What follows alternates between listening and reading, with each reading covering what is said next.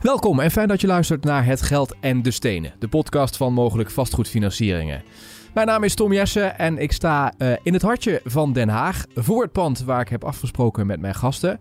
In deze aflevering gaan we het hebben over de ontwikkelingen in box 3, want er verandert behoorlijk wat als het gaat om de belasting voor professionele beleggers die ze betalen over hun panden. En we gaan het ook hebben over de rol van de tussenpersoon. Ik ga naar binnen en dan stellen mijn gasten zich zo meteen zelf aan je voor.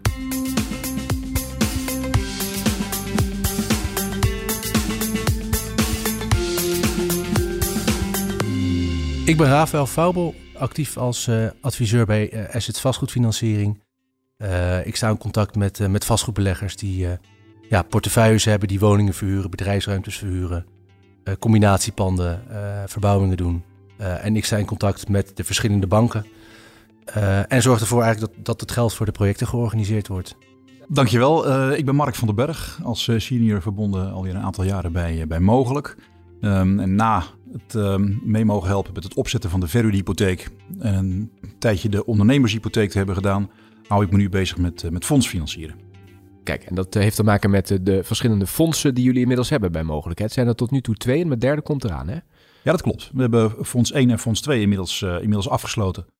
met respectievelijk 19 miljoen en 21 miljoen. En nu fonds 3, wat al gevuld is voor zo goed als 30 miljoen. Um, ja, en de planning is dat we dit jaar uh, fonds 4, 5, 6 en 7 uh, ook nog gaan doen. Oké, okay, komt allemaal aan bod. Uh, vooral omdat we de casus van deze aflevering er maar meteen eens eventjes bij pakken. Rafael, kun je vertellen waar gaat het om in Spijkenisse? Ja, het is een object in bezit van een klant met een gespreide vastgoedportefeuille, met name regio Zuid-Holland. de klant heeft verschillende samenwerkingsverbanden, waaronder één met een compagnon waar ze een object konden kopen in, in Spijkenisse. Hebben ze gekocht in eh, april 2021. Uh, 50% eigendom samen met een compagnon. Waarbij de compagnon de geldschieter was voor, voor het hele project. Um, nou ja, de compagnon die wilde, uh, die had als doel om af te bouwen in vastgoed met zijn vermogen. Dus die, zijn doel was om de helft te verkopen. Toen zei de klant, nou die helft wil ik wel overnemen. Maar daar heb ik dan wel financiering voor nodig. Precies, en daar komt mogelijk zo meteen in beeld. Eerst nog even over het pand. Waar hebben we het over? Ik vind het altijd leuk om ook even hè, om, om het iets tastbaarder te maken. Hoe ziet het eruit? Is het een groot pand, klein pand? Het is een pand van uh, ongeveer 1100 vierkante meter, gelegen in, uh, in Spijkenisse. het grootste deel van het pand bestaat uit een, uh, ja, uit een sportcomplex, een sportschool. en er zit erbij een, een, een bedrijfswoning verhuurd aan een uitzendbureau. Uh, en het uitzendbureau die is actief in uh, uh, de uitzetbranche en die gebruikt de woning voor personeelshuisvesting. Precies. Maar dat is maar een klein onderdeel van, van het geheel. Um, waardoor de meeste financiers het gewoon zien als een, als een commercieel object. En dat is toch wat lastiger om, om te financieren. Precies. En jullie klant wilde dat dus kopen van zijn compagnon, maar daar had hij liquide middelen voor nodig. hoe is dat gegaan? Ja, Mark en ik kennen elkaar vanuit de tijd dat ik nog bij NIBC werkte en hij als intermediair. En nu zijn de rollen omgedraaid. Um, en enkele weken voordat, of enkele maanden voordat de deal tot stand gekomen was, was hij hier op kantoor. Um, met name om het te hebben over de hypotheek voor de woningen. En daarbij liet hij ook vallen dat zij een zakelijk hypothekenfonds hebben waarbij ze commercieel vastgoed uh, financieren. En zo zijn wij ook met elkaar in contact gekomen toen ik deze financieringsbehoefte toch wat lastiger kon invullen bij, uh, bij banken. En de klant ook nog behoefte had om een aflosvrije lening af te sluiten. Um, toen, uh, toen dacht ik dat het goed in het fonds zou passen. Ja, dus heb je de optie van mogelijk aan je klant uh, voorgesteld. Ja. Um, um, eventjes, want daar zijn we natuurlijk niet bij, maar hoe gaat dat dan? Want heb je dan eerst alle andere opties al bekeken en komt dan mogelijk als laatste in het rijtje? Of zeg je eigenlijk meteen, nou, met mijn kennis uh, adviseer ik dit fonds van mogelijk? Nou, ik adviseer nooit één product. Ik leg altijd meerdere partijen naast elkaar. Um, het aantal mogelijkheden voor deze financiering was wat beperkt, omdat grootbanken toch liever niet op een, uh, ja, op een locatie in Spijkenis een, een, een, losse sportschool willen financieren. Um, maar je legt zowel verschillende aanbiedingen naast elkaar. En dit was de meest uh, concurrerende aanbieding. Waarom was die zo geschikt? Omdat de, uh, A, de, de, de loan to value was toch wat hoger dan dat bij de andere partij gerealiseerd kan worden. Uh, en daarnaast is het een, uh, een aflosvrije lening, waardoor de cashflow wat, uh, wat optimaler is. Ja, hoe gaat het vanuit jullie kant, zo'n zo'n deal? nou, deze deal in, in, concreto ging um, eigenlijk heel soepel. Rafael die neemt een contact op en zegt, joh, ik heb een, um, ik heb een casus die we graag even tegen dicht aanhouden. Um, nou, in dit geval, ja, wij kunnen vrij wij kunnen regulier gezien, wij kunnen vrij veel financieren. Dat komt ook omdat wij, uh, wij zijn niet zelf een bank. Wij houden, dat, wij houden de financiering houden we aan tegen, tegen een x aantal investeerders, tegen een pool van investeerders. En dat, dat maakt dat wij vrij ruim kunnen financieren. Dus ook in dit geval, uh, we maken aan de voorkant, uh, zeker voor het fonds, maken wij een, um, nou ja, een plaatje. En dat plaatje bestaat dan uit wat is de rentevergoeding die we de investeerders bieden. En dus aan, en aan de andere kant, wat is de rente die wij de geldnemer in rekening brengen. Nou, ons verdienmodel zit hem in de afsluitprovisie. Dus dan kun je het, plaatje vrij snel heel concreet maken. En dan kun je ook vrij snel toetsen van wat kan er wel in en wat kan er niet in. Je maakt aan de voorkant daar afspraken ook, over, ook met de pool van investeerders die in het fonds deelnemen. En als je dat helemaal helder hebt, dan kun je vrij snel toetsen of een pand, in dit geval dan de, de vraag waar afval mee kwam, of dat geschikt is en of dat past. Hmm. Nou, er zitten natuurlijk wat voorwaarden aan. Um, dat moet de klant ook passen. Welke voorwaarden zijn dat? Nou, in dit geval bij het fonds is het zo dat er, um, um, wij willen het bedrag wat de investeerders hebben ingelegd, willen we vrij constant houden. Dat betekent dat de klant wel rente betaalt, maar geen aflossing. Nou, dat betekent weer dat de cash-out die de klant heeft, de geldnemer, um, dat die vaak wat minder is, omdat er niet afgelost hoeft te worden, maar er mag ook niet afgelost worden, omdat we die, uh, dat, die fondsgrootte willen we constant houden. Nou, dat is aan de ene kant een voordeel een iets lagere eh, financiële verplichting. En aan de andere kant het nadeel, het staat wel vijf jaar vast. Mhm. Nou, dat is even iets wat de klant zich moet realiseren. En past dat wel bij die? Past dat wel bij mij? Moet die klant, eh, dat is even de afweging die de klant moet maken. Um, in dit geval was dat vrij snel geregeld. De klant kende ons al. En uh, ja, ging daar vrij vlot uh, uh, ging door dat proces heen. Mm Dus ja, ideaal. Precies, even voor mijn beeld. Los je dan aan het einde van de looptijd in één keer af? Ja, als je dat wilt wel. Je kunt het natuurlijk uiteraard ook herfinancieren. Oké, precies. Dit was dus eigenlijk uh, vrij snel, begrijp ik Rafael, was dit wel kat in het bakkie. Want uh, de voorwaarden die hier door Mark worden genoemd, die waren voor je klant allemaal wel acceptabel. Die waren acceptabel en uh, we hadden een dossier al redelijk klaarstaan. Taxatierapport was al uitgevoerd. Ehm, ja, ik heb zelf ook een, een achtergrond bij, bij een geldverstrekker bij NIBC Bank. Dus ik weet ook hoe er vanuit de geldverstrekkende kant naar een deal gekeken wordt. Um, dus ik had mijn documenten zo uh, verzameld en ingestuurd. En uh, twee weken later was de, de definitieve offerte er al ja. met het akkoord. Ook interessant om eens te kijken wat Assets nou uh, precies doet. Hè, waar je nu op dit moment voor werkt. Omdat jullie met slimme software ook werken. En dat levert ook heel veel voordelen op voor klanten. Kun je eens vertellen wat jullie precies doen? Jazeker. Naast dat wij bemiddelen in vastgoedfinanciering, hebben wij een zusterbedrijf die actief is in het automatiseren van het hele proces.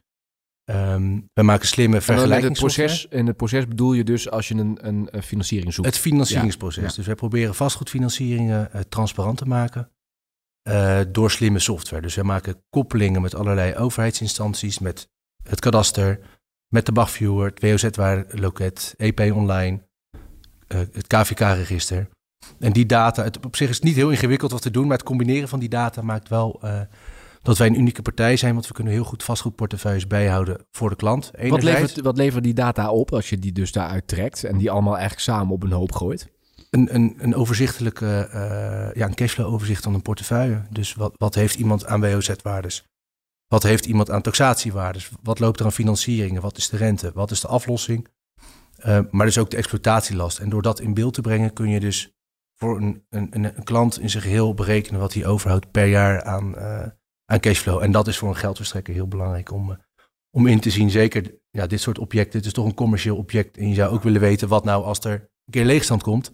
Kan de klant die leegstand dan opvangen vanuit de rest van zijn uh, vastgoedportefeuille? Ja. dus daarmee leveren we denk ik enerzijds toegevoegde waarde uh, voor de bank. Uh, en daar komt bij dat veel vastgoedbeleggers die houden het toch een beetje op hun eigen Excel bij. en hebben zeker naarmate ze wat groter worden, vergeten ze een beetje wanneer de rentecontracten verlopen. En dat hebben we allemaal goed in beeld. Uh, Wat maakt het uniek dan? Want je, ik hoorde jou zeggen, we zijn daar eigenlijk uniek, uh, een unieke partij in de markt. Ja, er is geen andere partij die uh, vastgoedfinanciering vergelijkt. Dus voor bijvoorbeeld verzekeringen heb je een independer of voor eigen woninghypotheken. En wij zijn de eerste partij die alle geldverstrekkende partijen, zoals mogelijk, maar dus ook de concurrenten van mogelijk, NIBC, RNB, noem het op, ehm, in een vergelijking gooit en per loan-to-value klasse kijkt waar de deal het beste uh, past. Ja. En die data gebruiken wij nu dus ook, um, of die kunnen wij heel goed gebruiken om de voorgenomen regels voor uh, ook de middenhuur En dus ook de regels van de nieuwe belastingen om door te rekenen voor een klant. Wat ga je betalen aan belasting per pand? Maar dus ook wat, uh, wat is de invloed van de middenhuur als de regels er doorheen komen? Wat wordt aan de ene kant je terugval in huur? Wat ga je extra aan belasting betalen op pandniveau? En daar komt ook nog je renterisico bij. En veel klanten die zijn nu tegen 3 of 4 procent gefinancierd op een woning. En als het rentecontract verloopt, gaan ze toch naar 6 of 6,5 procent in de huidige markt. Nou, de combinatie van die drie uh, is toch vrij lastig om dat per pand uit te rekenen. En dat kunnen wij geautomatiseerd uh, eenvoudig voor klanten in beeld brengen. Ja. Dus je kunt eigenlijk uh, snel en goed beslissingen maken op basis van de data en de gegevens die uit jullie software komen. En je kunt het dus ook, als er dus nieuwe ontwikkelingen zijn, zoals bij de belasting, kun je dat snel toevoegen. Exact. Dat lijkt dat me ook is... een voordeel. Ja. Daar kunnen we het straks even wat uitgebreider over hebben, omdat dat veel uh, uh, nou, bezitters van panden bezighoudt. Eerst eventjes naar jou, Mark, over dit model. Hoe kijk jij hier tegenaan? Ja, ik vind het hartstikke interessant. Um, ook omdat ik, uh, ik heb tien jaar aan de andere kant van de tafel gezeten. Ben, uh, ben dan zelf uh, tussenpersoon geweest. Maar ook voor mogelijk vinden wij dat heel erg interessant. A, um, natuurlijk, wij kijken ook, wij doen het nog eens dunnetjes over, die Bachviewer en de informatie uit het kadaster, voor wat betreft eigendomsinformatie, hypotheekinformatie. Maar als het Japan-klaar wordt aangeleverd, en dat gebeurt via assets, is dat wel heel erg fijn. Dat geeft voor ons een, een, lekker vlot doorloop, lekker, lekker vlotte doorloop door het proces. Um, dus dat is prima. En als dan ook nog een keer de betaalbaarheid, wat we vaak zelf uitrekenen, maar als die dan ook nog een keer gewoon goed getoetst wordt aangeleverd, dan geeft dat een heel groot stuk, dan geeft dat vertrouwen. En dat vinden we bijzonder prettig, want het helpt ons ook in het beoordelen van, uh, van de aanvraag. Nou, het beoordelen van de aanvraag gebeurt, wat betreft de aanvraag in het fonds, bij ons intern. Hmm. Nou, dus vinden we het heel fijn als het gewoon goed en goed gecontroleerd wordt aangeleverd. Ja. Is bij de, de casus uh, uh, in Spijkenisse, is daar ook gebruik gemaakt van deze software? Nee, dat niet, omdat een fonds uh, geen standaard financiering is. Dus de voorwaarden zijn vooraf niet bekend, kun je ze ook niet echt makkelijk opnemen in een, in een vergelijking. Dus het is wat meer een financiering op maat, zo'n fonds. dus dat maakt ook dat we bijvoorbeeld de grootbanken niet kunnen opnemen in, in de vergelijking. Hè. Dus alleen de, de producten met, met vaste voorwaarden, die eigenlijk de checklist afgaan, waaronder de fair hypotheek van mogelijk, waarin, waarin ze ook woningen financieren, maar dus ook de concurrenten daarvan, die kunnen we goed opnemen in, uh, in de vergelijking. Oké, okay, ik snap het. Ja. Uh, dan even dat belastingaspect. Daar is nu heel veel om te doen. ik, ik kan me bijna niet voorstellen dat luisteraars naar deze podcast het gemist hebben, want hier ben je natuurlijk mee bezig omdat je beslissingen moet maken. Maar, maar toch misschien eventjes voor iemand die onder een steen heeft geleven, legen en net wakker wordt. Wat gaat er nou precies veranderen, Rafael? Ja, in box 3 wordt het stelsel omgegooid. Uh, volgens het oude regime uh, betaalde je belasting over je netto vermogen, bezit minus schuld. Waar men naartoe wilt, is dat je belasting gaat betalen over je werkelijk rendement. Maar dat krijgt de fiscus niet op korte termijn voor elkaar. Dus zeggen ze de komende drie jaar, 2023, 2024 en 2025, komt er een overgangsregime. Um, wat inhoudt dat ze een fictief rendement maar rekenen over je volledige bezit. En dan krijg je een beperkte aftrek voor rente die je betaalt over je schulden. Kortom, veel meer belasting. En wij hebben dus veel vastgoedportefeuilles van uh, inmiddels meer dan 70 klanten doorgerekend. En daar hebben we de resultaten van onderzocht. En uh, klanten betalen gemiddeld acht keer meer belasting in 2023 dan in 2022. Ja, is vastgoed dan nog wel interessant om rendement mee te maken? Nou ja, op de korte termijn ziet het er niet goed uit. Zeker als we de modellen in beeld brengen van een hoop klanten die verliezen 90% van de cashflow. Um, aan de ene kant. Aan de andere kant zit er op de lange termijn ook wel weer een, een bepaalde stabiele waardeontwikkeling in. En um, uh, ja, daarbij kun je je huren door de jaren heen ook wel weer indexeren. Dus op korte termijn uh, komt er veel leeg, komen alle regels door en uh, gaan alle belastingregels door zoals dat ze nu staan opgeschreven. Ja. Ja, kan het de komende jaren kan, kan het er slecht uitzien. Maar door middel van onze inzichten die we bieden, kunnen wij dus wel laten zien welke panden nog goed renderen en welke panden minder renderen. Ja. En zo kunnen klanten voorsorteren op, uh, op de toekomst. Oké, okay, even voor de goede orde. De, bij, de, bij de fiscus uh, uh, is veel onzeker, maar deze regel die staat vast. Hè? Dat overgangsregime de komende drie jaar staat vast. Hè? Dat er met dat fictieve rendement gewerkt gaat worden. Dat staat vast. We hebben vorige week wel weer berichten gelezen dat men wil kijken naar een, een aanpassing van de rendementspercentages. Okay, dus okay. er wordt gerekend nu met 6,17 procent voor alle overige bezittencategorieën, anders dan spaargeld. Ja. En er wordt nu over nagedacht om dat verder te specificeren naar uh, type overig bezit. Oké, okay, en even voor de mensen die luisteren, we nemen op op 21 februari, dus dan kun je het ook een beetje in de tijd plaatsen. Hoe Ja. kijk jij hiernaar, Mark, naar deze ontwikkeling? Ja, een beetje dubbel. Ik ben het helemaal eens met Rafael. en aan de kant van de geldvrager um, ja, ze hebben we zeker te maken met dit, met dit fenomeen. Aan de kant van de geldgever, en dat, daar zit mogelijk natuurlijk ook in met, met, met de pool van investeerders die we hebben, um, daar merk je wel een toename. En dat, dat, dat is wel verrassend. Hmm. Um, men kijkt toch naar uh, ja, hoe, maak ik, uh, hoe maak ik rendement op mijn vermogen. Nou, binnen mogelijk kan dat redelijk, redelijk risicoloos door, door te investeren in nou, de, de financieringsaanbiedingen die wij wekelijks op onze site publiceren. En dat neemt, daar neemt de investeringsbereidheid zien we weer een beetje toenemen. Hmm. Nou, dat is fijn. Um, aan de kant van de aanvrager, ja, dan schaar ik me geheel, geheel achteraf wel. Dat, dat heeft zeker impact. Um, we zien ook veel aanvragen waarbij het, um, uh, het pand dat, uh, waar een financiering op aangevraagd wordt, is een pand in eigen beheer. Dus niet direct een rendement voor een belegger. En ja, daar zie je wel wat degelijk uh, een, een, ontwikkeling in. Ja, wat zou jouw advies dan zijn met deze wetenschap, Rafael? Voor, voor, laten we dan, want ik, dat is natuurlijk heel specifiek en dat ligt ook aan je portefeuille, et cetera. Maar stel dat je al vastgoed hebt, hè, verschillende panden, en je wordt geconfronteerd nu met deze maatregel. Wat is dan je advies? Dan zou ik adviseren om eens langs uh, te komen om toch inzicht te krijgen in uh, de berekening per pand. Hè, wij kunnen laten zien welke panden goed renderen en welke panden niet. Um, Met een achtneming van dat fictieve percentage wat er dus straks gegeven gaat worden. Dat ten eerste, maar ten tweede kunnen beleggers ook te maken krijgen met een terugval in huur. Er zijn ook appartementen die, die van 11, 1200 euro teruggaan, dadelijk naar 7 of 800 euro huur. Um, en die combinatie met de, ook nog de, de, rente die kan gaan stijgen, dat kan ertoe leiden dat je dadelijk een negatieve cashflow hebt. En dat wil eigenlijk niemand. Hmm. Dus dan kun je misschien uh, voor een deel van je portefeuille besluiten om de woningen te verkopen wanneer ze leegkomen. Precies, je hebt dat dus uh, laten zien. Het is jammer nu dat het een podcast is dat we dat niet kunnen laten zien. Maar als mensen bij je langskomen, kunnen ze dat wel zien. Ja. Jij liet mij een, een overzicht zien van iemand die verschillende panden heeft. En daar kon je per pand, uh, nou, met verschillende kolommen aan data, kon je dus zien van hey, dit is je pand wat het beste rendeert en, en dit is het slechtste pand. Exact. Ja, we rekenen dat echt terug op, op pandniveau, doordat we de uh, WOZ-waarde per adres geautomatiseerd ophalen en we de financieringen goed uh, bijhouden van de klanten, uh, kunnen we tot op adresniveau terugrekenen. ja, hoe goed doet je pand nou en hoe hard wordt die getroffen door alle veranderende marktomstandigheden. Ja, wat zou je dan met dat pand doen wat dus slecht rendeert? Moet je daar afscheid van nemen? Daarvan kun je overwegen om, om dat te verkopen. Dan moet het natuurlijk wel kadastraal gesplitst zijn en, en los te verkopen zijn.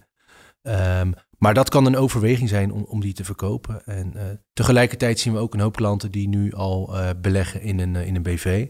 En dus die, hebben al, die worden niet geraakt door de nieuwe uh, box 3 regels.